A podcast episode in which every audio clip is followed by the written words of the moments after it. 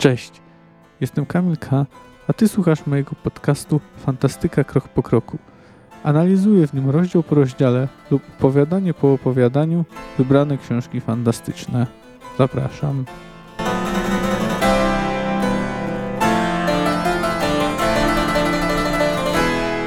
Gdyby tego dnia po zmroku ktoś podkradł się do chaty z zapadniętą strzechą, gdyby zajrzał przez szparę w okiennicy, zobaczyłby w skąpo oświetlonym wnętrzu białobrudego starca w skupieniu słuchającego powieści popielato-włosej dziewczyny siedzącej na kłodzie przy kominie. Spostrzegłby, że, dziew że dziewczyna mówi wolno, jak gdyby z trudem znajdowała słowa, że nerwowo pociera zeszpecony paskudną blizną policzek, że przeplata długimi momentami milczenia opowieść o swych losach. Opowieść o naukach, którą odebrała, a która wszystkie, co do jednej, okazały się kłamliwe i bałamutne. O obietnicach, które jej złożono i których nie dotrzymano. Opowieść o tym, jak przeznaczenie, w które kazano jej wierzyć, zdradziło ją niecnie i wyzuło z dziedzictwa. O tym, jak za każdym razem, gdy już zaczynała wierzyć, spadały na nią poniewierka, ból, krzywda i upokorzenie. O tym, jak ci, którym ufała, których kochała, zdradzili, nie przyszli z pomocą, gdy cierpiała, gdy groziły jej pohańbienie, męka i śmierć. Opowieść o ideałach, którym zalecano jej być wierną, a które zawiodły, zdradziły, opuściły wtedy, gdy ich potrzebowała, dowodząc, jak niewiele były warte. O tym, jak pomoc, przyjaźń i miłość znalazła wreszcie u tych, u których z pozoru nie należało szukać ani pomocy, ani przyjaźni, nie wspominając o miłości. Ale tego nikt nie mógł zobaczyć, ani tym bardziej usłyszeć.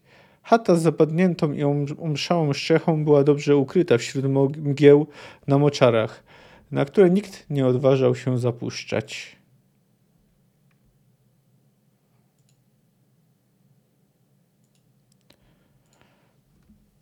Witam Was już po raz kolejny. No, zaczynamy omawianie wieży jaskółki, czyli już czwartej pozycji z sagi o Wiedźminie. Sama książka jest zdecydowanie najdłuższa z tych, które omawiałem, ponieważ y, liczy sobie 488 stron, ale natomiast dzisiejszy odcinek będzie krótki, ponieważ i rozdział, y, o którym będę mówił, jest krótki. Ma zaledwie y, no, około 30 stron. Ten rozdział urywa, zrywa z narrację, zrywa narrację, która była prowadzona w chrzcie ognia. Y, można powiedzieć, że coś podobnego stało, działo się właśnie w tym wspomnieniu ognia, który tam, który jakby cofnął się y, nieco w stosunku do zakończenia czasu pogardy, ale tu mamy do czynienia z zupełnie czym innym. W tym przypadku mamy do czynienia z przeskokiem czasowym do przodu. I to dość znacznym, przynajmniej jeśli chodzi o wydarzenia, y, jakie działy się w tym fragmencie. Będziemy je poznawać retrospektywnie z opowieści Ciri i którą zdaję pewnemu pustelnikowi. No ale zacznę tradycyjnie od streszczenia tego rozdziału. Zaczyna się jednak nie we wspomnianej chacie, a w świątyni Melitele. No, jeśli idzie o ścisłość, to wcześniej jeszcze mamy opisy różnych fenomenów, sztormów i przebyciu dzikiego ogonu. Ale to dotyczy właśnie tych wydarzeń. No, w świątyni Melitele obudziły się trzy osoby. Obudzili się Jarę, Nenekę i Tris Marigold, która właśnie tam przebywa. Jarę czuje, że Ciri umiera. Widział we śnie ją zakrwawioną twarz. To samo widzieli Nenekę i Czarodziejka. O, oczywiście to zbudzenie się było też związane z przelotem Dzikiego Gonu, y, no bo ponieważ właśnie jest równonoc, a w równonoc ym, Dziki Gon właśnie przy, przebywa przejeżdża po niebie porywając ludzi. I faktycznie y, stan Ciri jest fatalny. Y, znajduje się na mokradłach, znajduje ją tam właśnie pustelnik o imieniu Wysogota. Jak się okazuje, jest dość wykształconym człowiekiem, który ma wiedzę na temat medycyny, ponieważ yy, zszywa jej rany na twarzy i liczy na to, że przeżyje. Początkowo wydaje się, że szanse są niewielkie, ale jednak ostatecznie udaje mu się jej pomóc. Gdy Tris, gdy Ciri, przepraszam, gdy Ciri e, w końcu odzyskuje przytomność, Wysogota mówi jej, że minęło prawie 5 dób. Mówi mu, że musi natychmiast uciekać. Ale on zwraca uwagę na to, że to niemożliwe, bo nie jest w stanie tego zrobić. Poza tym zwraca uwagę, że tutaj na bagnach jest bezpieczna, ponieważ nikt się tu nie zapuszcza. Dziewczyna prosi go o lusterko. Gdy w końcu jej je daje, wyraźnie robi, własny widok robi na niej duże wrażenie i w nocy nie jest w stanie powstrzymać płaczu. Następnego dnia Ciri próbuje odjechać przed, ponieważ cały czas boja się, że jedzie za nią pościg, ale nie jest w stanie nawet siąść na konia. Swoją drogą tym koniem jest Kara Klacz. To właśnie na niej przyjechała. No i tak jest też taka ciekawostka, że yy, Ciri twierdzi, że była rejona w samo ekwinokcjum, czyli w równonoc, a Wysogota twierdzi, że to niemożliwe, że musiała zostać zrejona trzy dni po. Poza tym obydwoje, no raczej ze swoich względów wykazują wokół siebie nieufność. Ale w końcu zaczynają opowiadać yy, sobie nawzajem o tym, kim są i co ich zaprowadziło yy, w to miejsce. Wysogota to był człowiek nauki. Znał się na medycynie, ale też na etyce, filozofii. Niegdyś wykładał w Akademii Oksenfurckiej, no jednak musiał emigrować. Y, no i emigrował sam, bo porzuciła go żona. Emigrował do Nilfgardu.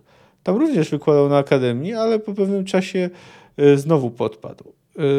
Y, a ponieważ y, oburzony krytyką nawiązał kontakt z dysydentami. No, to już była zdrada stanu. Na jego szczęście cesarz go ułaskawił, ale skazał go na banicję. Jeśli by miał się jeszcze raz pokazać kiedyś na terenie cesarstwa, no to y, kara zostałaby, można powiedzieć, odwieszona. Więc nie było to pełne ułaskawienie. Porzuciła go druga żona, a także wyrzekły się go dzieci. On sam obraził się na cały świat i zaszył się w pustelni Webbing. Jakiś czas później Webbing został zanektowany przez Nilfgaard, więc, ale Wysogota nie miał ochoty ani siły na to, żeby się ruszać ze swojej pustelni. No, za, zatem po prostu generalnie ciąży na nim wyrok śmierci. Prawdopodobnie podobnie jak na Ciri.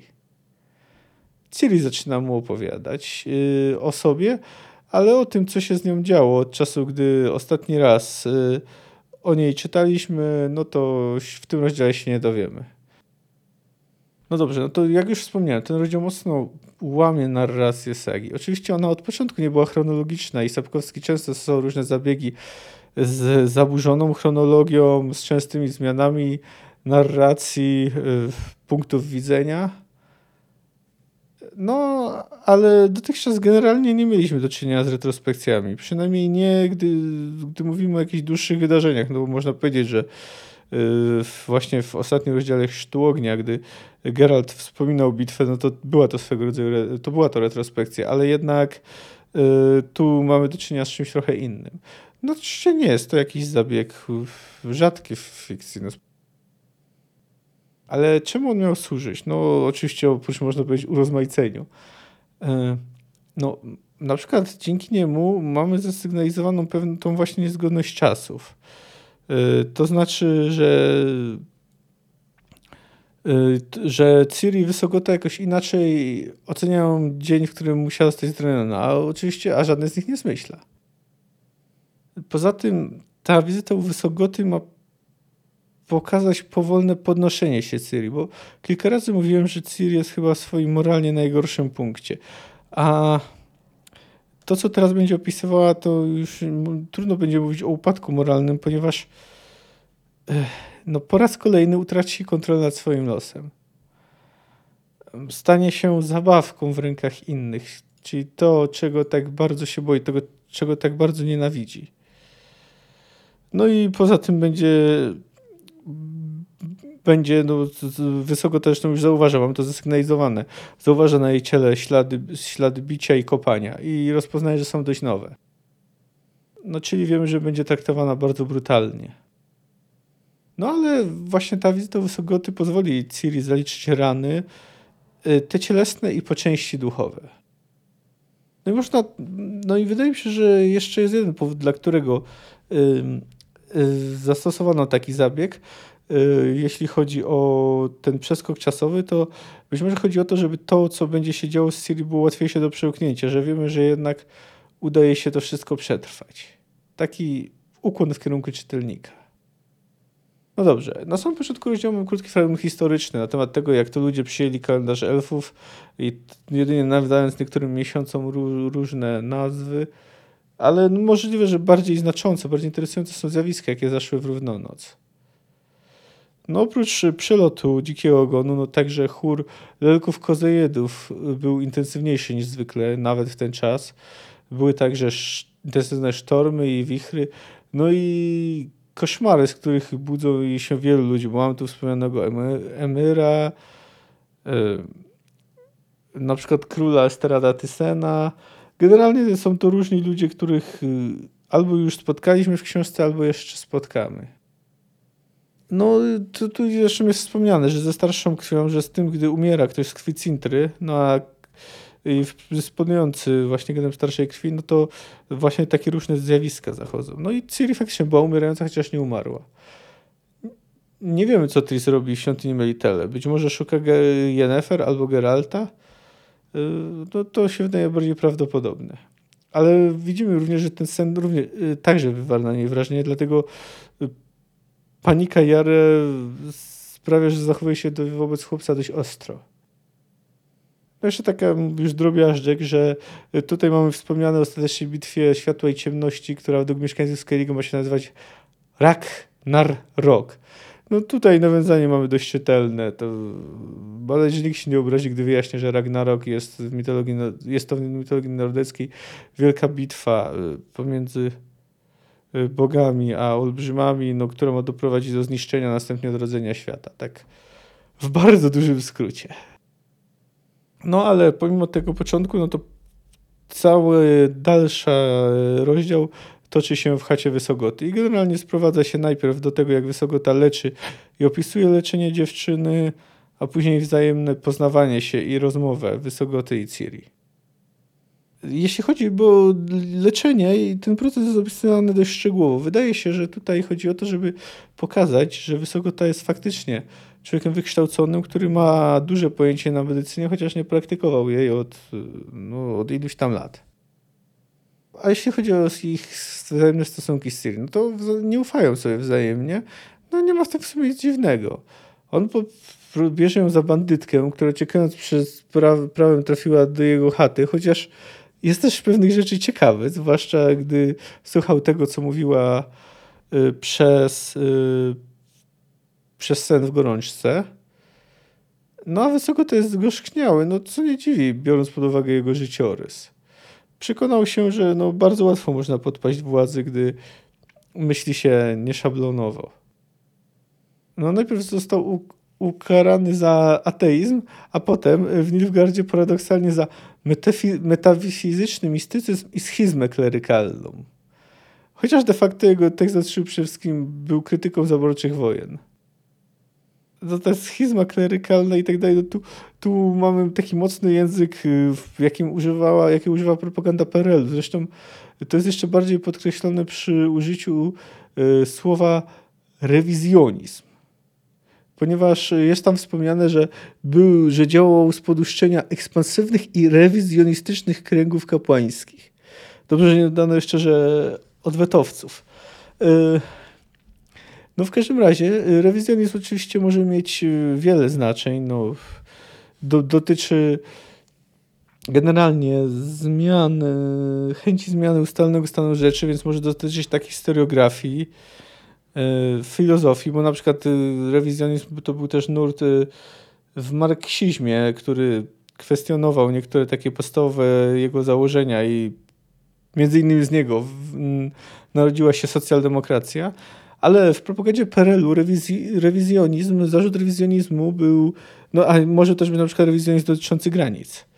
Yy, zmiany granic, prawda? Tak mówiono o rewizjonizmie na przykład w przypadku Niemców po I wojnie światowej. Yy, natomiast wydaje mi się, że tu wszystkim chodzi, jest, to jest przede wszystkim nawiązanie do propagandy PRL-u, gdzie rewizjonistami nazywano yy, kręgi lewicowej opozycji najczęściej y, nie, y, często członków partii, dopóki z jej PZPR, dopóki ich z niej nie usunięto, to którzy krytykowali partię właśnie z pozycji lewicowych. No, tu można wspomnieć o takich ludziach jak na przykład Jacek, Karol, Jacek Kuroń czy Karol Modelewski, obydwaj nieżyjący. No to czyli znowu mamy takie nawiązanie historyczne. No a co do stanu psychicznego Ciri, a także jej stosunku do świata, to dość dobrze charakteryzuje go ten fragment. Ta wymiana zdań. Co to jest etyka? Wiedziałam to, ale zapomniałam. Nauka o moralności, o prawidłach postępowania obyczajnego, szlachetnego, poczciwego i uczciwego, o wyżynach dobra, na które wynosi duszę ludzką prawość i moralność, i otchłaniach zła, w które strąca niepoczciwość i niemoralność. Wyżyn dobra, parsknęła. Prawość, moralność. Nie rozśmieszaj mnie, bo mi się szrama na pysku rozpęknie. Miałeś szczęście, że cię nie tropili, że nie posłali za tobą łowców nagród, takich jak Bonhart. Zobaczyłbyś, co to są otchłanie zła. Etyka? Łajno warta jest twoja etyka, wysoko to skorwo. To niezłych i niepoczciwych strąca się na dno. Nie, o nie. To źli ale zdecydowanie strącają tam takich, którzy są moralni, uczciwi i szlachetni, ale niezdarni, wahający się i pełni skrupułów.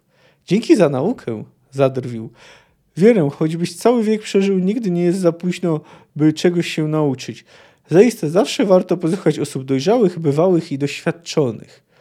Ach, kpij sobie, kpij, szarpnęła głową. Póki możesz, bo teraz moja kolej, teraz ja zabawię cię opowieścią. Opowiem ci, jak to było ze mną, a gdy skończę, zobaczymy, czy nadal będziesz miał ochotę drwić. Tutaj tak na marginesie można by się zastanawiać, co tu faktycznie jest dobrem, bo postępowanie Syrii w ostatnim czasie było no tak użyję eufemizmu, niepiękne. No ale generalnie to jej doświadczenia, no to, co ona mówi w kontekście jej doświadczeń specjalnie nie może dziwić.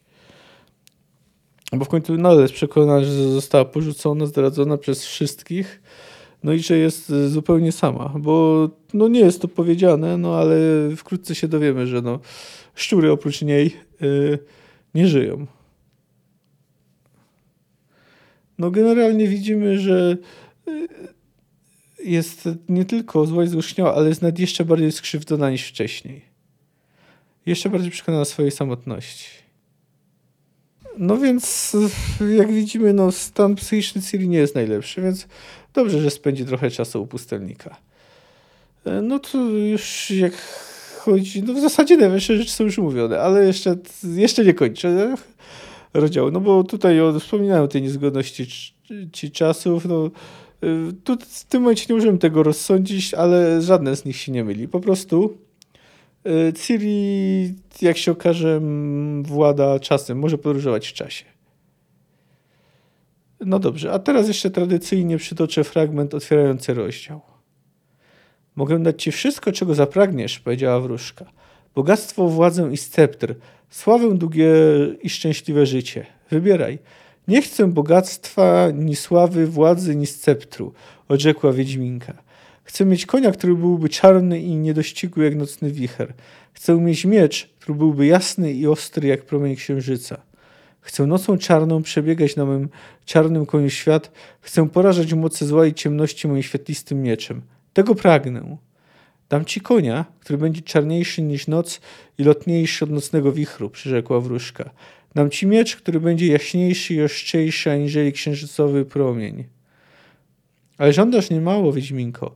Będziesz więc musiała drogo mi zapłacić. Czym? Wszakże nie mam niczego. Twoją krwią. Florence Delanoy, bajki i klechdy. No oczywiście tu mamy bajki, to jest w oczywisty sposób e, wykrzywiona, przekształcona historia Ciri, no ale tak na marginesie Ciri faktycznie zdobyła tą czarną klacz no i także płaciła między innymi krwią, choć nie tylko nią. No dobrze, no to jeszcze może takie luźniejsze uwagi. No to podboje Nilfgaardu, no to zresztą to nie było trudno się domyślić, że ekspansja Nilfgaardu nie zaczęła się za rządów Emhyra za poprzedniego cesarza, bo jest wyraźnie zaznaczone, że Wysogotta zaczął, został skazany przez zarządów poprzedniego cesarza no, którego Emry nie ma powodu kochać, bo to mm, on, y, chociaż to jeszcze tego nie wiemy, sprawił, że mm, ten został zaklęty wieża. Ale tak czy owak, no, więźniów politycznych generalnie się nie ułaskawia, ponieważ stanowią oni zagrożenie dla każdej władzy. Ciekawe jest też to, co słyszymy o Królestwach Północy. Wysokota został y, wypędzony z nich około 50 lat y, te, od czasu spotkania z Ciri w chacie. No i od tego czasu sporo się zmieniło. Kapłani utracili wpływy, o czym wyraźnie mówi prawdopodobnie głównie na rzecz czarodziejów i czarodziejek. No więc chociaż widzimy też w chście ognia, zwłaszcza w kontekście procesu, że no, chętnie przynajmniej część z nich by tę władzę odzyskała. No i tu jeszcze taka, nie wiemy ile wysoko to ma lat, ale musi być bardzo stary. Skoro już 50 lat temu wykładał na Oxenfurcie, no to przyjmując, że na przykład zakończył studia w wieku, dajmy na to 23 lat i wykładał tam powiedzmy przez no do 30, no to musi mieć przynajmniej 80 lat, a myślę, że bezpiecznie jest przyjąć, że jest jeszcze starszy co byłoby na tyle na dzisiaj. No, dzisiejszy odcinek jest y, bardzo krótki, zdaję sobie z tego sprawę, no ale sam rozdział jest bardzo krótki i w sumie nie dzieje się w nim y, szalenie dużo. Nie czyta się oczywiście go źle, ale, ale no, wydaje mi się, że nie ma sensu za bardzo, żebym omawiał tutaj tego, co się y, stało z Ciri, jak, y, jak się powolutku czuła coraz lepiej no można się powiedzieć o tym, że Wysokota dostaje, że niedaleko jest jakaś wieś, bo Wysokota tam zasięga powieści i stamtąd dowiaduje się, że był w tej wsi pościg za Ciri. No i że no i to jak się nią zajmuje, no ponieważ jest to nawet ciekawe, no ale nie ma tu za wiele do omówienia. No po prostu się nią opiekował i, i podejmował czasami ryzykowne decyzje medyczne po to, żeby była zdrowa. No za tydzień natomiast e, będziemy mieli takie pierwsze, dłuższe spotkanie z Monhartem. I pod, mogę Was zapewnić, że kolejny odcinek będzie zdecydowanie dłuższy. No ale na dziś to tyle. Do usłyszenia za tydzień. Cześć.